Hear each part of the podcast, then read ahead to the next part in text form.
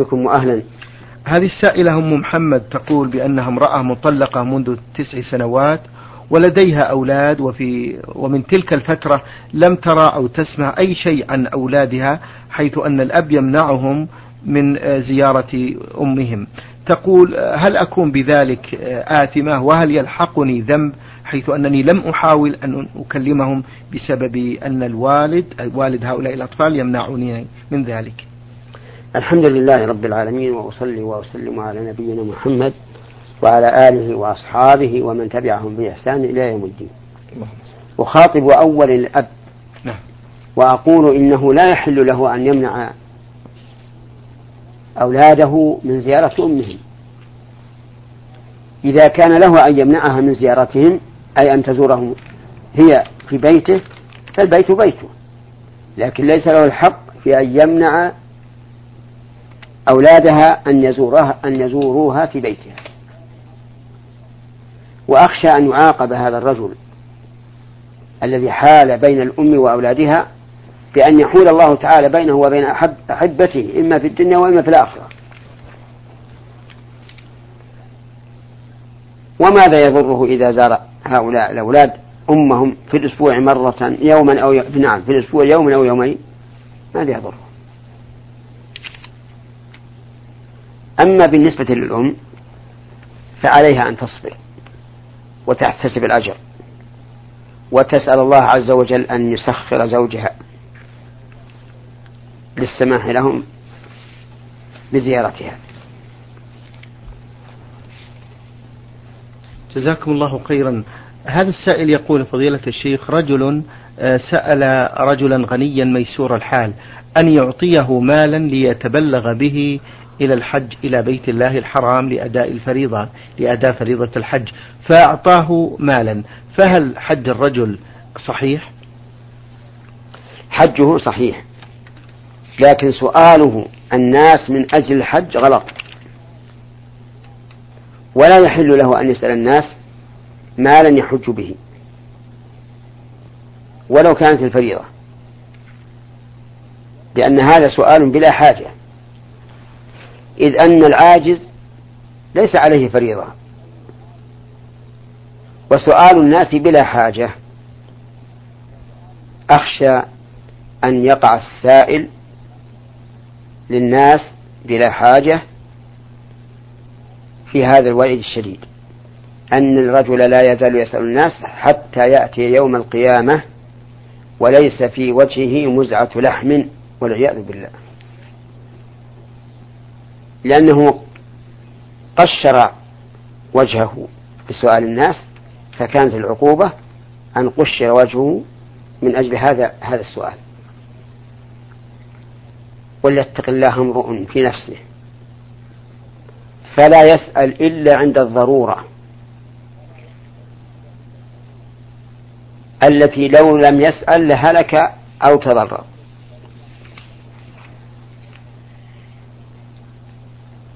نعم. أحسن الله إليكم رسالة من الجزائر اسمها صفية من الجزائر.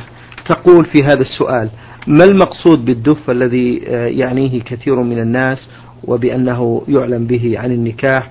وهل الزغاريد التي ترددها النساء في الأفراح وعند نجاح الأولاد جائزة. الدف الذي يسمح به في الأعراس وفي مناسبة قدوم الغائب وفي أيام الأعياد هو الذي ليس له إلا وجه واحد فقط. وأما ذو الوجهين فيسمى طبلا ولا يجوز. ومن المعلوم أن الدف من آلة له. والأصل في آلة له التحريم.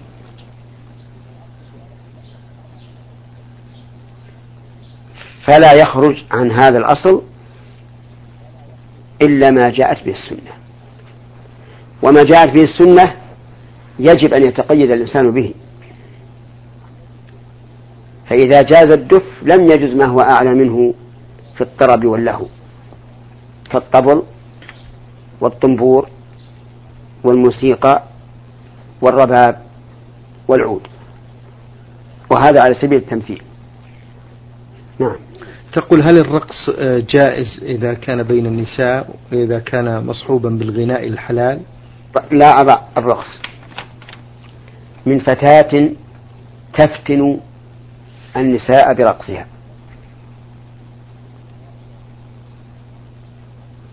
وقد سمعنا أنه جرى أشياء منكرة إذا قامت الفتاة الشابة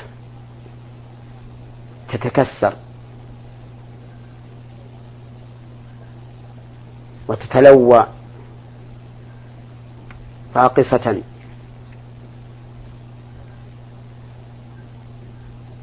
وأن بعض النساء قد تقوم تعتنقها تضم وتضمها وتقبلها وهذه فتنة. أما المرأة الكبيرة العجوز التي لا لا يؤبه لها كثيرا فأرجو أن لا أحرج عليها إذا قامت ترقص. نعم. جزاكم الله خيرا. تقول يا فضيلة الشيخ يقول النبي صلى الله عليه وسلم في الحديث الذي ما معناه من تشبه بقوم فهو منهم. السؤال فضيلة الشيخ بأن الأمر قد بلغ حدا كبيرا فألبستنا من الكفار غالبا ومتاع البيت أيضا فما العمل في هذا مأجورين؟ المراد بالتشبه نعم. أن يفعل الإنسان شيئا خاصا بالكفار. بمعنى أن من من رآه ظن أنه كافر لأن حليته ولباسه حلية الكافر ولباسه ولباسه. وليس كل ما فعل الكفار يكون يكون تشبها إذا فعلناه. وليس كل الأطعمة التي يصنعها الكفار يكون تشبها إذا أكلناها. المراد بالتشبه أن يفعل ما يختص به الكافر. فمن تشبه بقوم فهو منهم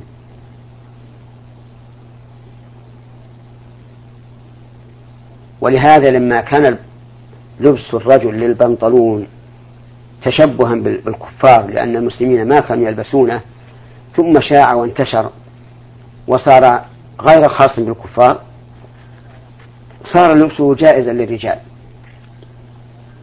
وأما النساء فمعلوم أنه لا يجوز لهن لبس البنطلون. ولو عند الزوج. لأن ذلك من باب التشبه بالرجال. نعم.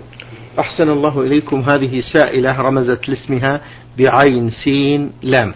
تقول مشكلتي فضيلة الشيخ هي أن قلبي قاسي. حتى أنه من شدة القسوة. لا حول ولا قوة نعوذ بالله من ذلك. تقول أنه إذا توفي شخص من أقاربي لا أبكي ولا تدمع عيني عيناي إلا بعد المحاولات. هل هذه القسوة تمنع عدم قبول صلاتي وصيامي وغير ذلك من الأعمال؟ وهل هذا من نقص إيمان يا فضيلة الشيخ؟ وهل إذا تصدقت على الفقراء آه، تزيل هذه القسوة من قلبي؟ نعم بعض الناس عنده قسوة قلب وليس قلبه لينا فتجده لا يخشى وإن أصيب بأعظم المصائب نسأل الله العافية. قلبه متحجر. كالحجارة أو أشد قسوة. ومن أسباب لين القلب قراءة القرآن الكريم. فإنه يلين القلب إذا قرأه الإنسان بتدبر وتمعن ألان قلبه. بدليل قول الله تعالى لو أنزلنا هذا القرآن على جبل لرأيته خاشعا متصدعا من خشية الله.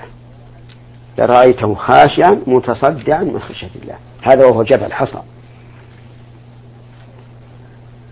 ويقول ابن عبد القوي رحمه الله في داليته المشهورة وحافظ على درس القرآن فإنه يلين قلبا قاسيا مثل جلمدي ومن ذلك أي مما يلين القلب قراءة السيرة النبوية. على صاحبها أفضل السلام وأتم التحية. أتم التحية للمخلوق. فإن قراءة السيرة لها تأثير عجيب على القلب. لأنه يتذكر الإنسان وكأنه مع الصحابة. فيلين قلبه. ومنها أي من أسباب لين القلب رحمة الأطفال. والتلطف معهم. فإن ذلك يلين القلب. وله تأثير عجيب.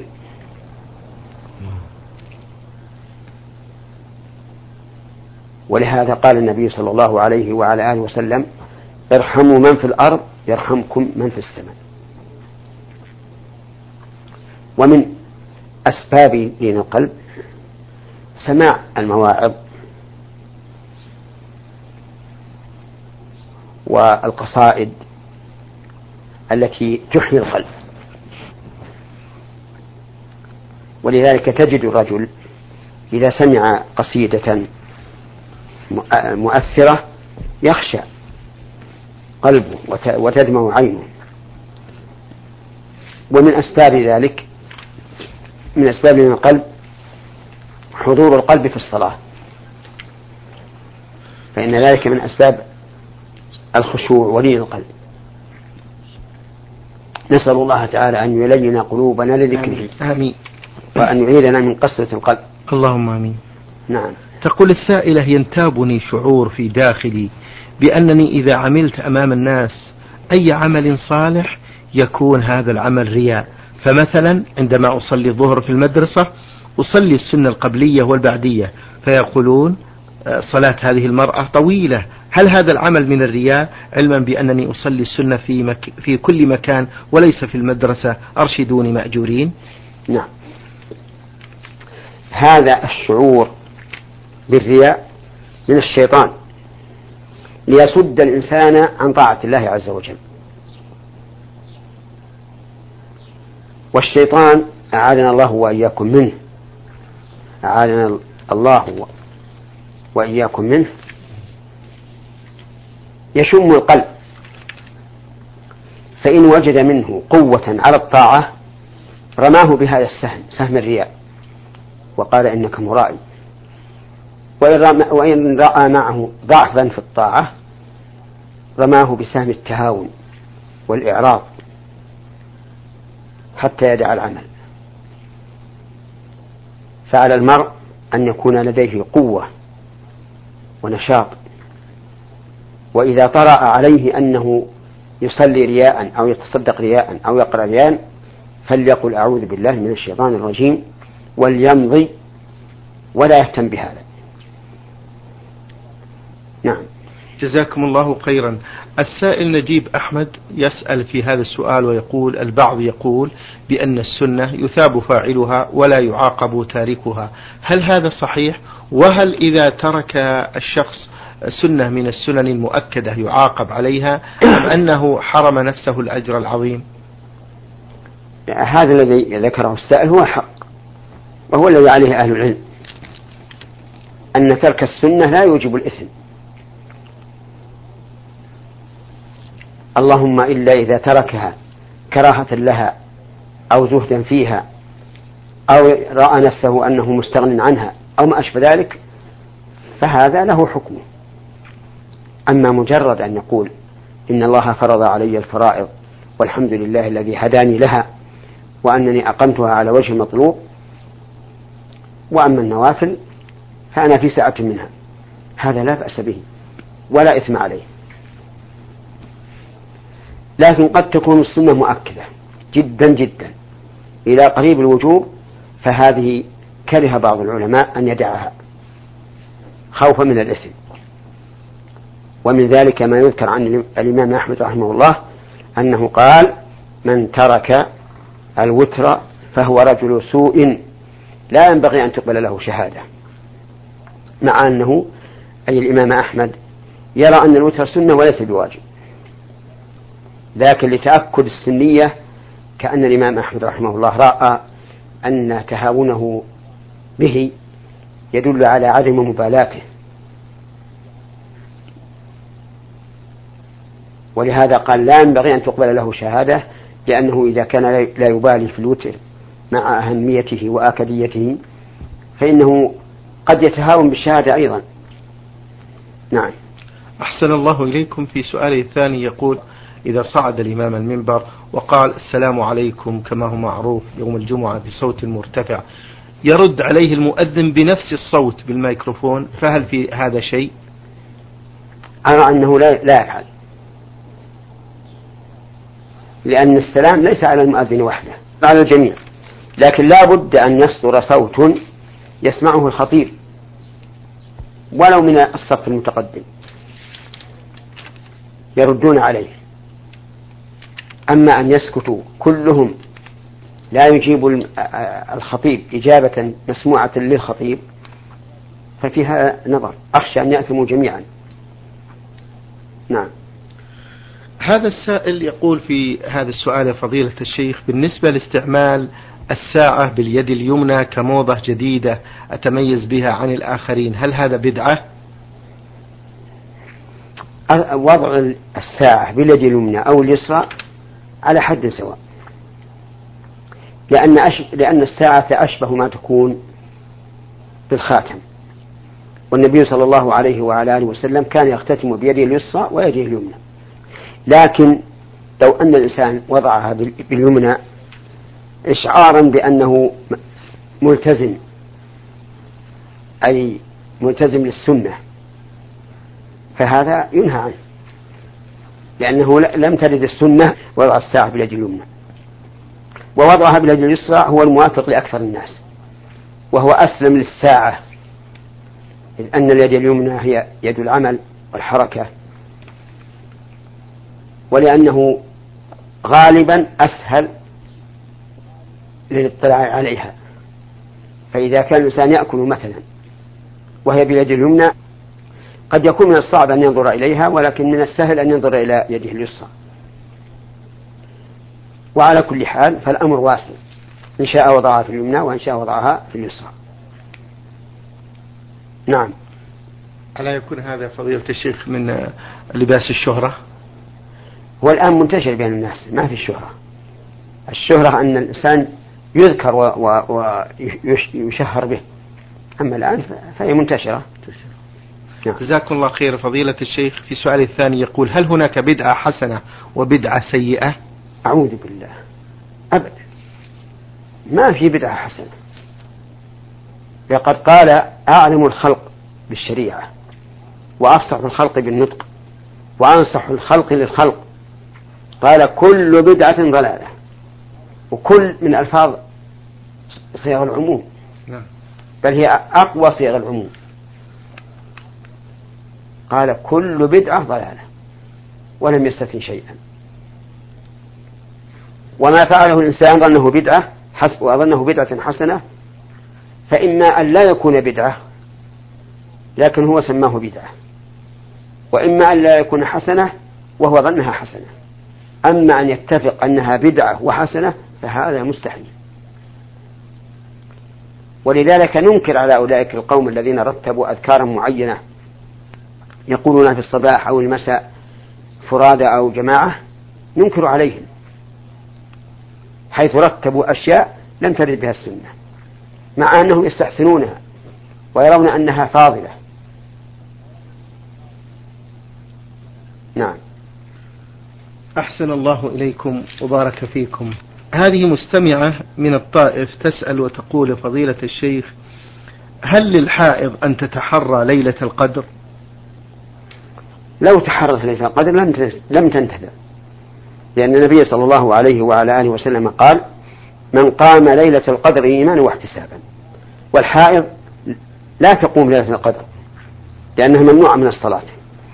لكن أرجو إذا دعت في تلك الليلة إذا دعت ربها عز وجل وتعلقت بفضله ورحمته أرجو أن لا تخيب. نعم. في سؤالها الثاني تقول فضيلة الشيخ هل يزكى الذهب من نفسه؟ بمعنى أنه بعد أن يوزن الذهب وتحدد قيمته قيمة هذا الذهب يباع منه قطعة ويتم إخراج الزكاة لهذا الذهب أم أنه يجوز للولي الأب أو الأخ أو الزوج أن يزكي ذهب محارمه من ماله الخاص؟ نعم. يجوز للمرأة أن تزكي عن حليها من مالها أو من مال زوجها أو من مال أبيها أو أخيها. ودفع زكاته دراهم أنفع للفقراء لأنها لو أخرجت قطعة من من من حليها للفقير فقد تساوي مئة ريال وإذا باع الفقير يبيع بخمسين ريالا فالذي نرى أن أن تقويم الذهب يعني ذهب المرأة التي تلبسه والذي والذي تلبسه الحلي اللي تملك نرى أن يقدر قيمته ثم يخرج منها ربع العشر. نعم. أحسن الله إليكم هذه السائلة آه، من المغرب تقول فضيلة الشيخ النفساء هل تقضي رمضان أم عليها فدية؟ فقد سمعت أنها عليها فدية لأنها مرضع مأجورين. النفساء كالحائض تماما تقضي الصوم. لكن إذا طهرت من النفاس وأرادت قضاء الصوم فإن كان عليها ضرر أو على رضيعها ضرر تنتظر حتى يزول ذلك الضرر ثم تقضي. وليس كل مرضع يباح لها أن تفطر. إذا كان لا ضرر عليها ولا نقص على ابنها فإنه يحرم عليها أن تفطر. نعم. آه، يقول السائل ما حكم الشرع في قول الرجل متحدثا عن نفسه أنا عملت كذا وكذا؟ لا حرج لا حرج في هذا. فقد قال النبي صلى الله عليه وعلى آله وسلم أنا ابن أنا ابن عبد المطلب. وقال في عمه أبي طالب لولا أنا لكان في الدرك الأسفل من النار لكن النبي صلى الله عليه وسلم أنكر على من استأذن على الإنسان في بيته فقال له صاحب البيت من هذا؟ قال أنا. فأنكر النبي صلى الله عليه وسلم قول المستأذن أنا لأنه إذا قال أنا لا يدرى من هو. بقي مجهولا.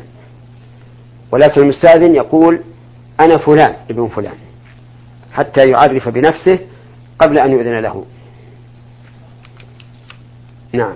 أحسن الله إليكم السائل عبد الله من الجزائر يقول في رمضان أصلي الفريضة في المسجد ثم يعود يتابع الصلاة من المذياع صلاة التراويح. إيه. ويصلي معهم ويدعو معهم ويشعر وكأنه معهم يقول وأحيانا أبكي معهم. هل هل صلاة التراويح هذه جائزة؟ علما بأنني أصلي الفريضة في مسجدي في بلدي. نعم هذه ليست جائزة ولا تقبل منه لقول النبي صلى الله عليه وعلى آله وسلم من عمل عملا ليس عليه أمرنا فهو رد. وصلاة الجماعة لا بد فيها أن يشارك المأموم إمامه في المكان. فإن ضاق المسجد واتصلت الصفوف حتى خرجوا إلى السوق فلا بأس أما أن يصلي الإنسان في بيته على المذياع أو على التلفاز مع الجماعة فهذا باطل ولا تصح الصلاة آه. لكن هذا الرجل الذي فعل ما فعل نعم. جاهلا أرجو الله تعالى أن يكتب له الأجر على نيته جزاكم الله خيرا السائل علي الأحمدي مصراته ليبيا يستفسر عن الآية الكريمة وشجرة تخرج من طور سيناء تنبت بالدهن وصبغ للآكلين. ما هي هذه الشجرة؟ هذه الشجرة شجرة الزيتون. الزيت. نعم. فإنها مباركة وفيها يخرج منها أيضا هذا الدهن الزيت. يكون صبغا للآكلين يعني إداما لهم نعم أحسن الله إليكم. هذه مستمعة للبرنامج تقول تقول هل يجوز للحائض أن تستحم بماء الرقية؟ نعم لا أرى في هذا بأسا.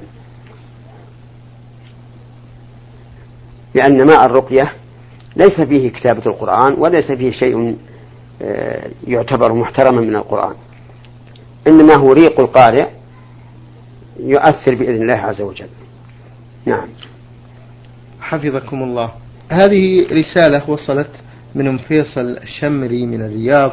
تسأل وتقول ما تفسير آه، قوله تعالى إن شر الدواب عند الله الصم البكم الذين لا يعقلون. ولو علم الله فيهم خيرا لأسمعهم الآية. المراد بهذا الكفار.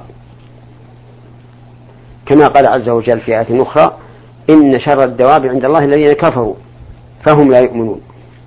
وقال الله تعالى عنهم إنهم إلا كالأنعام بل هم أضل سبيلا.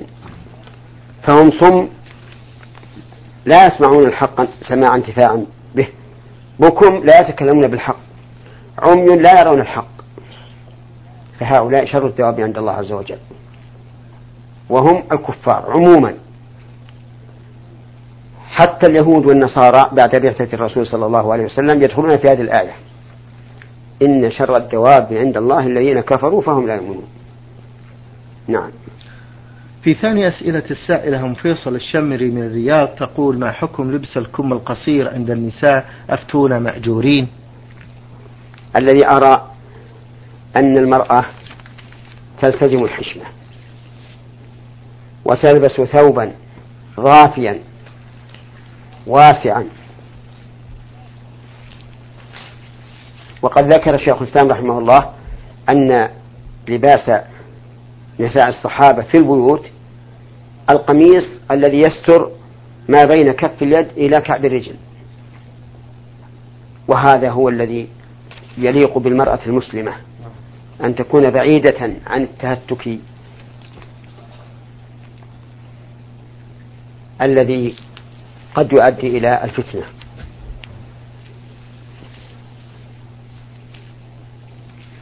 وقد جاء في الحديث الذي رواه مسلم أن النبي صلى الله عليه وعلى آله وسلم قال صنفان من أهل النار لم أرهما. قوم معهم سياط كأذناب البقر يضربون بها الناس. ونساء كاسيات عاريات مميلات مائلات رؤوسهن كأسنمة البخت المائلة لا يدخلن الجنة ولا يجدن ريحها وإن ريحها لا يوجد من مسيرة كذا وكذا. وإنني بهذه المناسبة أنصح أخواتي المسلمات عن تلقي كل موضة ترد من خارج هذه البلاد في اللباس.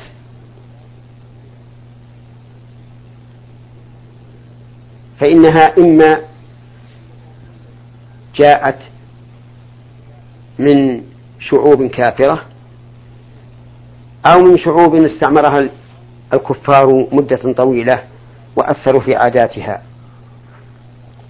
ونحن والحمد لله في هذه الجزيرة على أحسن ما يرام من اللباس. فلنقتصر عليه. ولنبتعد عن هذه الموضات. ثم إن بعض الجاهلات من النساء كلما جاءت موضة اشترتها وتركت الأول ولو كان جديدا. وأحذر نساء النساء من مطالعة المجلات التي تعرض هذه الأزياء فإنها لا خير فيها. يزينها الشيطان في في قلب المرأة حتى تصنع مثل ذلك أو تستأجر من يصنع لها مثل ذلك. وإذا رآها النساء تتابعن على هذه الموضة الجديدة. شكر الله لكم يا فضيلة الشيخ وبارك الله فيكم وفي علمكم.